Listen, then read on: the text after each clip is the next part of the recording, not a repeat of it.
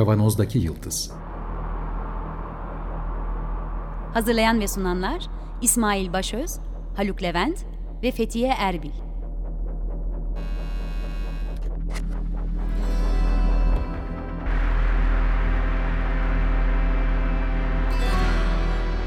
Bugünün penceresinden geleceğin ayak izleri. Merhaba herkese. 95.0 Açık Radyo Kavanoz'daki Yıldız programında sizlerle beraberiz. E, bu hafta İsmail ve Haluk ve ben hep birlikteyiz. Merhaba. E, geçen hafta başladığımız dosyaya devam ediyoruz. Kişiselleştirilmiş tıp. Biraz bugün geniş bir perspektiften, tarihi bir perspektiften genel tanımları da konuşarak İsmail'in e, konuk olduğu, uzmanlığından yararlandığımız bir program olacak. E, önümüzdeki haftalarda e, başka uzmanlarla konunun farklı boyutlarını birlikte ele almaya, birlikte öğrenmeye devam edeceğiz. Söz sende. E, ben de merhaba diyeyim. Öncelikle e, uzmanlık derken tabii bir sadece hekim olarak, pratisyen hekim olarak tıbbi yaklaşımı paylaşmaya çalışacağım. Bizden ee, daha uzmansın en azından. İşte uzmanlık görelim. evet. Dediğin gibi e, önümüzdeki haftalarda da genetik, farmakoloji e, ve diğer dallarda da bu konuda çok daha detaylı çalışan arkadaşlarla sohbet etmeye devam edeceğiz. Planımız bu şimdilik. Şimdi geçen hafta çok daha kaba, çok daha genel sözler söylemiştim ama orada kilit bir kelime var, bir cümle vardı. Hastalık yoktur, hasta vardır cümlesini tekrar hatırlayarak başlamak istedim açıkçası. Her birinin yapısal özelliklerinde farklılıklar olduğunu konuşmuştuk. Bu normal günlük hayatta fizyolojik farklılıklarımız da olduğu e, bir kere hani fenotipik olarak göz renginden, saç şeklinden e, farklılıklar olabildiği gibi bir de mesela fonksiyonel olarak da aynı hava koşulları altında, aynı atmosferde, aynı yerde bulunan iki insanın birinin üşüyüp diğerinin üşümemesi e, gibi farklılıkları da biliyoruz. Ya da iki kardeşten birinin albino ismini verdiğimiz diyelim ki bir yine bir örnek olarak pigment eksikliği ve hastalığı olduğu halde e, diğerinde bunun olmadığını da biliyoruz. Şimdi bu farklılıklar tıpta da hastalıkların tanısında, tedavisinde bizim için çok büyük önem taşıyor. Çünkü bu bahsettiğim kabaca farklılıkların dışında çok daha detay farklılıkların çok daha mikroskobik düzeydeki farklılıkların yani molekül düzeyinde, bir kimyasal düzeyde farklılıkların olduk, olduğunu da biliyoruz ve zaman içerisinde bunlar daha çok da ortaya çıkıyor. Biraz sonra detaylarında da bahsederiz. Mesela yine geçen programda konuştuğumuz gibi aynı hastalığı aynı semptomlarla yaşamadığımızı konuşmuştuk. Bir vücut çok daha rahat semptomsuz geçirirken X hastalığını aynı hastalığı aynı tanıyla aynı e, test sonuçlarıyla tanısı konmuş diğer hastanın e, çok daha ağır yaşadığını biliyoruz. Bunların farklılıklarında bedendeki mikroskobik farklılıklar diye söyleyeyim. İşte molekül, biyokimyasal belirteçler, protein yapıları vesaireyle ilgili olduğunu izliyoruz. Doğal olarak da tıpta zaten çok uzun süredir üstüne kafa yorulan, tabii yüzyıllardır kafa yorulan aslında olay Peki nedir ve nasıl yaklaşmamız gerekiyor? Bu farklılıklar nasıl oluyor, nasıl yaklaşmamız gerekiyor diye. Ee, şimdi bir bu konuda en çok ismi geçen bir hekimin ismiyle onun e, dünyamıza kattıklarıyla e, bir örnek vereyim. Archibald Garrot, Garrot yazılıyor herhalde Garrot okunuyor. 1850-1936 yılları arasında yaşamış bir hekim fenotipik belirtileri olan nadir hastalıkları takip eden bir hekim. E, mesela albinizm, albino biraz önce söylediğimiz gibi işte pigment eksikliği var vücutta, saçlarda, kıllarda, deride, gözde e, gibi bembeyaz olurlar genellikle mesela. Ya da e, yine nadir bir hastalık olan alkaptonuri. Bu da ilginç bir rahatsızlıktır ben de rastlamadım tabii hayatımda. Yani kitapta okudum bir şey. Biz doktorlar bunların her birine rastlıyor değiliz. Homogenistik asit oksidaz enzimi yetersizliği. Yani bir biyokimyasal enzimin yetersizliği ne bağlı olarak bir de pigment fazlalığı var hastalık. O sırrı süreyi edilirken şey diye işte meclisin renkli siması falan deyince o çok kızıyor. Yani yaptıklarımın pigment üzerinden daha diye paylıyor. Güzelmiş. Ee, evet. Ben de sen başka bir e, kanser türünü tanımlayacaksın zannettim ama. Peki, e, şimdi bu enzimin yetersizliğinden kaynaklanıyor dedik.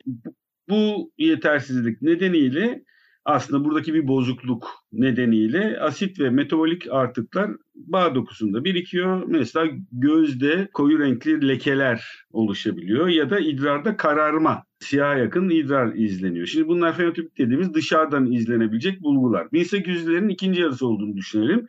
Çok gelişmiş değil ortadaki teknolojik durumlar. Archibald Garrett yaptığı araştırmalarla aile içerisinde bu hastalığı taşıyanlarla taşımayanların metabolik ne diyeyim belirteçlerinden ya da işte biyokimyasal o zamanki koşullarla yaptığı çalışmalarla takım farklılıklar olduğunu buluyor. Yıllar sonra gen tanımasıyla vesaireyle bu tanımlanıyor. Evet bir genetik bozukluk yüzünden, bir genetik mutasyon, bir genetik arıza yüzünden sonradan gen konusundaki araştırmalar oldukça ileri gidiyor. Ve bu kişiye özel e, bir tedavi geliştirilmesi artık planlanabilir. E, hani burada ne kadar yol alındı henüz bilmiyorum ama burada gelişen bir süreç var. İşte kişiye özel tedavinin bir örneği olarak ya da kafayı buna takmış bilim insanlarından biri olarak da Archibald Garrett ismini söylemekte zorlanıyorum. Bu örneklerin daha birçoğu var elbette. Ben kendi hayatımdan bir örnek vereyim. Bir dönem e, görev yaptığım fizik tedavi ve sportif rehabilitasyon kliniğinde aynı sakatlıkla gelen hastaların hemen hemen hiçbirine aynı tedavi protokolünü uy- uygulayamıyorduk mesela. Çünkü e, birinci haftada birinin aldığı yolla diğerinin aldığı yol aynı olmuyor. Bulgular farklı. E, diyelim ki büyük bir ameliyat geçirmiş, diz ameliyatı. E birinde şiş duruyor, birinde durmuyor. Diğeri çok daha çabuk toparlıyor. Diğeri daha disiplinli davranıyor vesaire. E, doğal, doğal da bizim elimizdeki protokolü herkese uygulama ihtimalimiz özelde yok. Bu doktorlar için çok zor bir şey değil mi o zaman her hasta için ayrı ayrı şeyler düşünmek zorunda kalmak? E, aslında işte zanaat kısmı burası. Geçen hafta da bahsettiğim. Aslında sen bana bunu söylerken yine e, öğretmen olarak senin de yaptığın bir şey bu aslında. Yani her öğrenci için de o manevraları yapmak durumunda kaldığımız anlar oluyor. Böyle düşünelim. Doğru da burada da zaten bireysel tedavi uyguluyoruz e, bir yandan da. Kişiye özel tedavi protokollerini uyguluyoruz. E, sadece burada yaptığımız o verileri toplamak. Sürekli verileri toplamak çoğunlukla gözlemsel olarak ama kimi zaman da inatçı bir şiş var diyelim ki bu sefer biyokimyasal tetkiklerle bu verileri toplama yöntemine gidiyoruz. Doğakta aslında herkesin yapmaya çalıştığı diyeyim ya da yapması gereken diyeyim o bireysel tıbba dönmek. Şimdi az önce anlattın zaten yapılıyordu dediğinle bu yenisinin farkı ne? Ne değişti? Evet işte buradaki fark artık o bulguları toplama sürecinde e, çok büyük e, gelişmeler var. Ne o gelişmeler? Birincisi bilimsel buluşlarda büyük gelişmeler var. Moleküllerin yapıları, proteinlerin yapıları ama en büyüğü yine geçen hafta söylediğimiz gibi 2013'te tamamlanan insan e, genomu haritalandırma projesi ve orada genom e, haritası döküldükten sonra artık çok daha büyük detaylar izlemeye başladık. Haluk el kaldırdı galiba. Buyurun Haluk Bey. Gen Genom projesinin tamamlanma tarihi 2003 olabilir. Yalnız. 2003 dedim. Yanlış mı söyledim? 2013 dedin de onu düzelt. değil, 2003. 2003 doğru doğru. Evet tabii ki 2003 tarihinde. Şimdi hatta işte bazı böyle küçük ekipler kendinden menkul bir şekilde yazalım, yazma projesi başlattılar. Neyi Onu- yazıyorlar? Gen yazımı. Gen yazma projeleri tabii.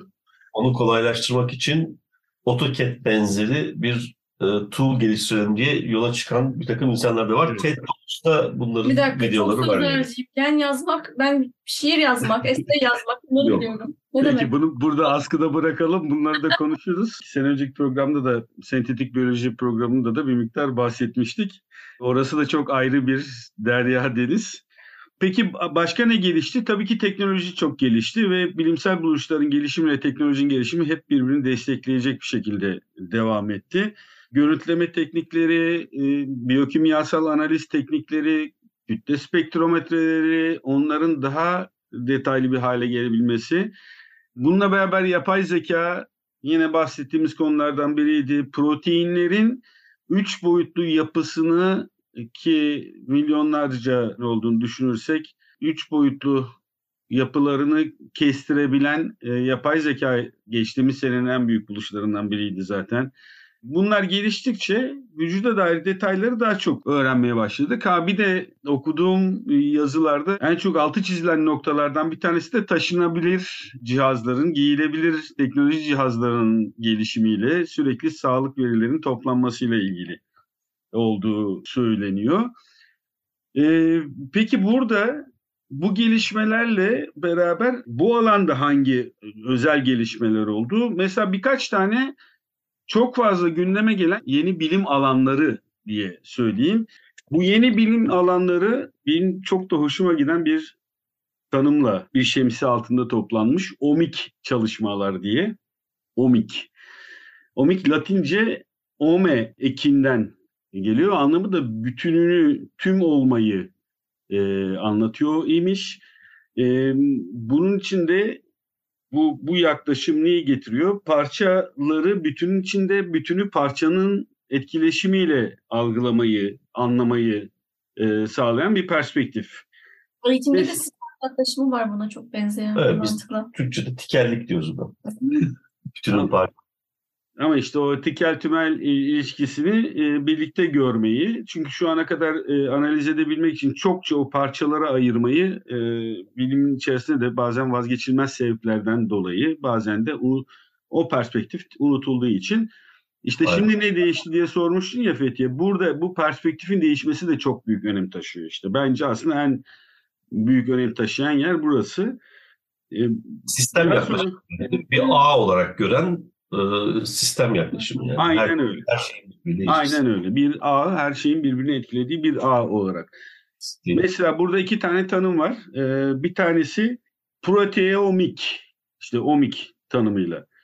Protein sentezlerini belli bir zamanda ya da protein ortamdaki protein yapısını bir ortamda belli bir zamanda belli bir yerde bulunan tüm proteinlerin yapılarını, yerleşimlerini, miktarlarını ve modifikasyonlarını, de- değişimlerini inceleyip bunu tespit edip doku ve hücrelerdeki işlevlerini o sırada nasıl işlev gördüğünü ve diğer proteinlerle etkileşimlerini anlamaya çalışan bir bilim alanı oluşmuş. Proteomik diye. Şimdi buradaki fark şu, genel tanımlama değil bu. Bu o sırada, o bedende ya da o organizmada olup biteni anlamaya çalışıyor. Bu konuda büyük çalışmalar ilerlemiş. Metabolomik mesela e, yine çok önemli bir parçası bu kişisel tıbbın.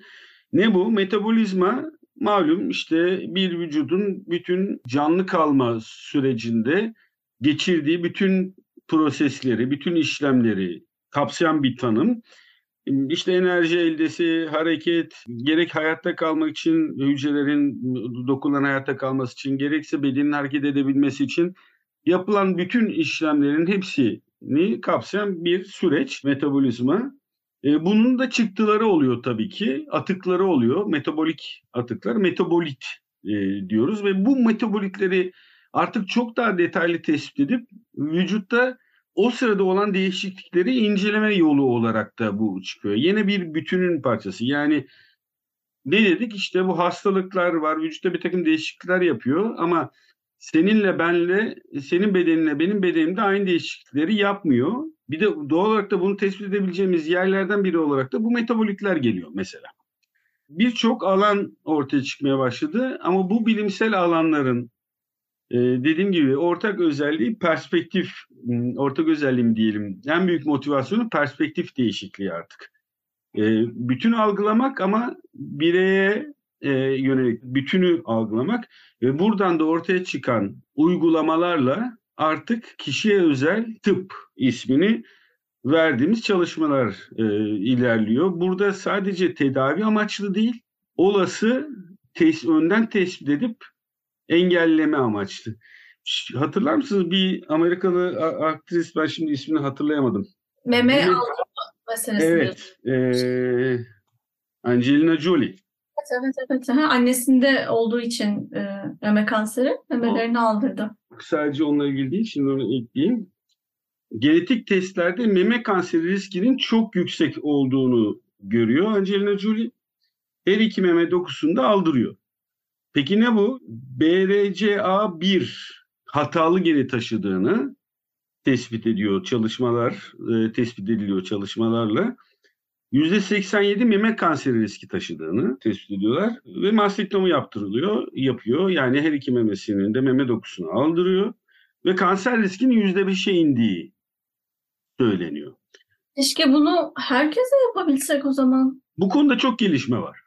işte bunları da konuklarımızla daha detaylı konuşacağız ama küçük bir örneği söyleyeceğim. Şu anda yapılan önden taramadan daha çok meme kanseri tanısı ko- koyulduktan sonra bildiğim oradan alınan kanserli bölgeden alınan parçanın incelenmesiyle genetik yapısının analiz edilmesiyle tedavi içeriği ve süreci belirleniyor. Atıyorum kemoterapi seansının kaç seans olacağı belirlenmeye çalışılıyor şu anda. Bu çalışmalar artıyor ama tabii ki çok pahalı süreçler bunların hepsi Şey, yani. bir şey olabilir mi? O e, hatalı geni enterne etme imkanı yani memeleri aldırmaktansa.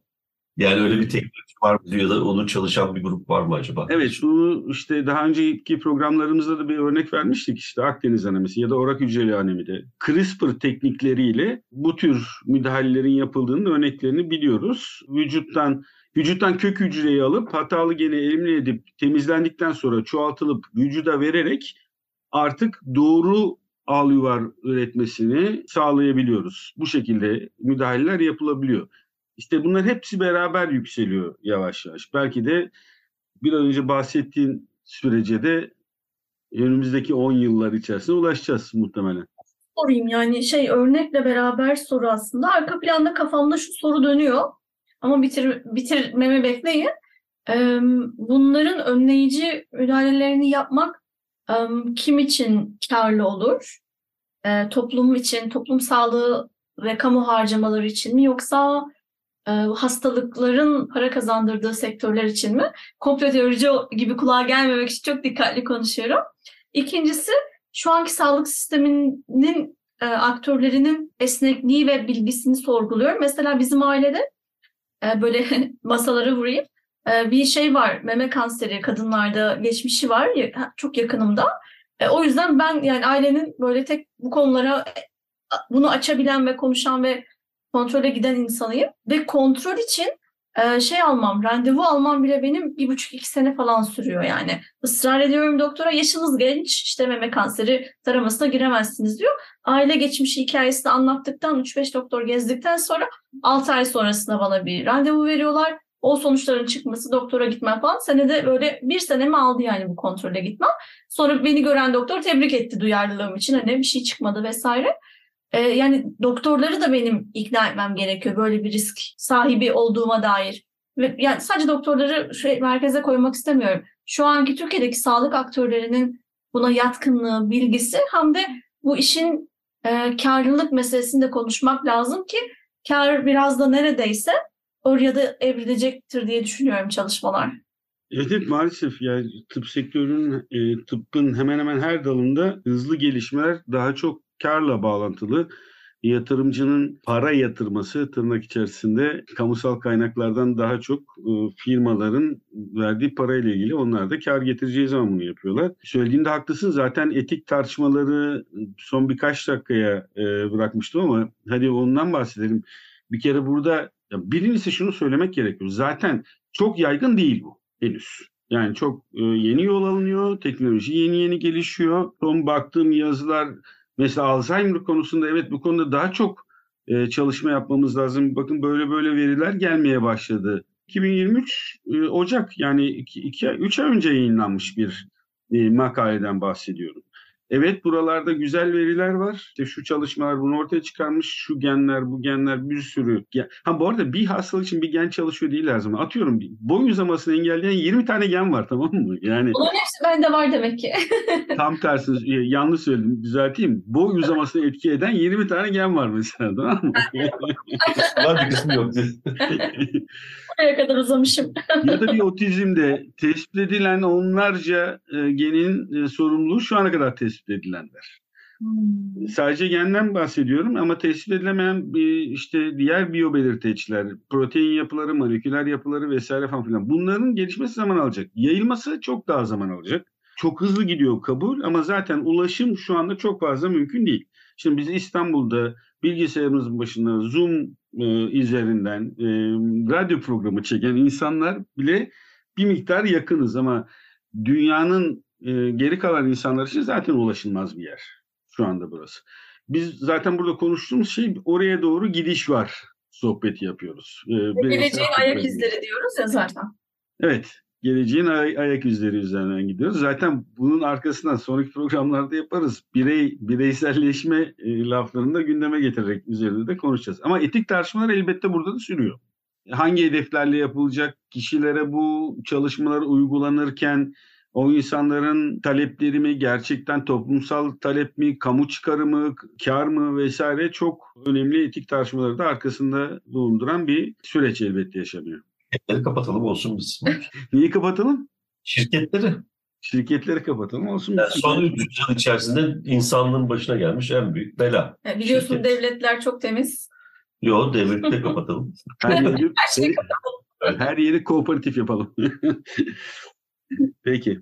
O zaman bir önce söyleyeceğim son sözleri için programımızın da son e, 3-4 dakikasına girerken Ha bu arada şey kurulmuş 2000'lerin ortalığında bu genom haritasından sonra kişiselleştirilmiş tıp koalisyonu diye e, değişik değişik yerlerde, üniversitelerde ve enstitülerde çalışan insanların irtibatını sağlayan bir organizasyon da kurulmuş. Hastalığın teşhisi, tedavisi için kişinin bedenindeki bütün biyobelirteçleri, genleri, e, proteinleri ve dahi, şimdi burası da çok önemli kişinin kendi yaşam tarzını, davranış şeklini, maddi durumunu, teknolojiye ulaşıp ulaşamayacağını vesaire hepsini gözün e, hepsini kullanarak, teknolojik görüntülemeleri de kullanarak o kişiye uygun tanıyı ve tedavi sürecini planlamak olarak söylüyorlar.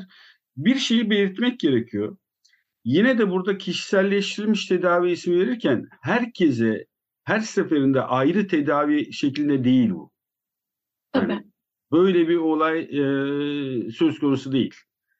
E, sadece senin bedeninden gelen mesela elimdeki örneklerden bir tanesi aspirin kullanımı ya da bir sıtma ilacı var. En çok örnek verilen sıtma ilacı e, orduda kullanılıyor e, yaygın olarak ve bazı askerlerde sarılık ve anemiye yol açtığı fark ediliyor.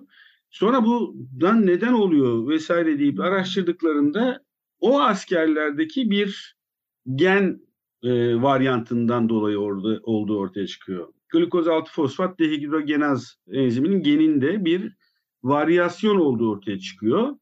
Ve bu hastalar için ilacın kullanımı konusunda adım atılıyor. Şu anda e, bu ilacın kullanımı ile ilgili bu e, enzimin yetersizliği olup olmadığı kontrol edilmelidir diyor. Mesela bu ilacı kullanmak için o kişilere bakılacak gene kişisel tip örneğine giriyor bu sonuç itibariyle ama işte orada farklı burada farklı değil. Şimdi burada her kişiye ayrı bir tıp uygulaması tanımından uzaklaşmak bu, bu karıştırmayı engellemek için hassas tıp lafını kullanıyorlar. Daha çok kullanmaya çalışıyorlar. Bu arada P tıp yani Polatlı'nın P'siyle başlayalım. P tıp. Neden precise kelimesinden dolayı hassasın? Precision, prevention, e, protection, e, predict, prediction. Öngörme, önleme, koruma ve e, kesin hassasların hepsini toplayıp P-tıp ismini daha çok kullanmaya başlamışlar. Çünkü yine de kişiselleştirilmiş tıp deyince ben dünyada bir taneyim bu tedavi sadece bana yapılıyor. Uygulaması değil tabii sonuç itibariyle bu. İşte Angelina Jolie'den bahsettik. Eğer burada kanser riski yüksekse şu anda yapılan tedavi memenin çıkartılması eğer hasta isterse. Bu riski karşılamak istemezse mesela şu an için. İleride nasıl e, tedbirler gelişir, nasıl yöntemler gelişir göreceğiz. Görmeye devam ediyoruz. Evet, şimdilik bu kadar. Önümüzdeki hafta konunun uzmanları arkadaşlarla uzun uzun detaylı olarak önce genetik süreçleri, sonra kanserdeki uygulamaları, sonra diğer alanlarda özellikle daha sonraki zamanlarda e, farmakoloji alanındaki çalışmaları konuşmak istiyoruz. Çok teşekkürler İsmail verdiğim bütün bilgiler için. Teşekkürler. Ee, teknik ekibe çok teşekkür ederiz. Bütün dinleyenlerimize teşekkür ederiz. Mutlu bir hafta sonu dileriz. Hoşçakalın. Hoşçakalın. Hoşçakalın.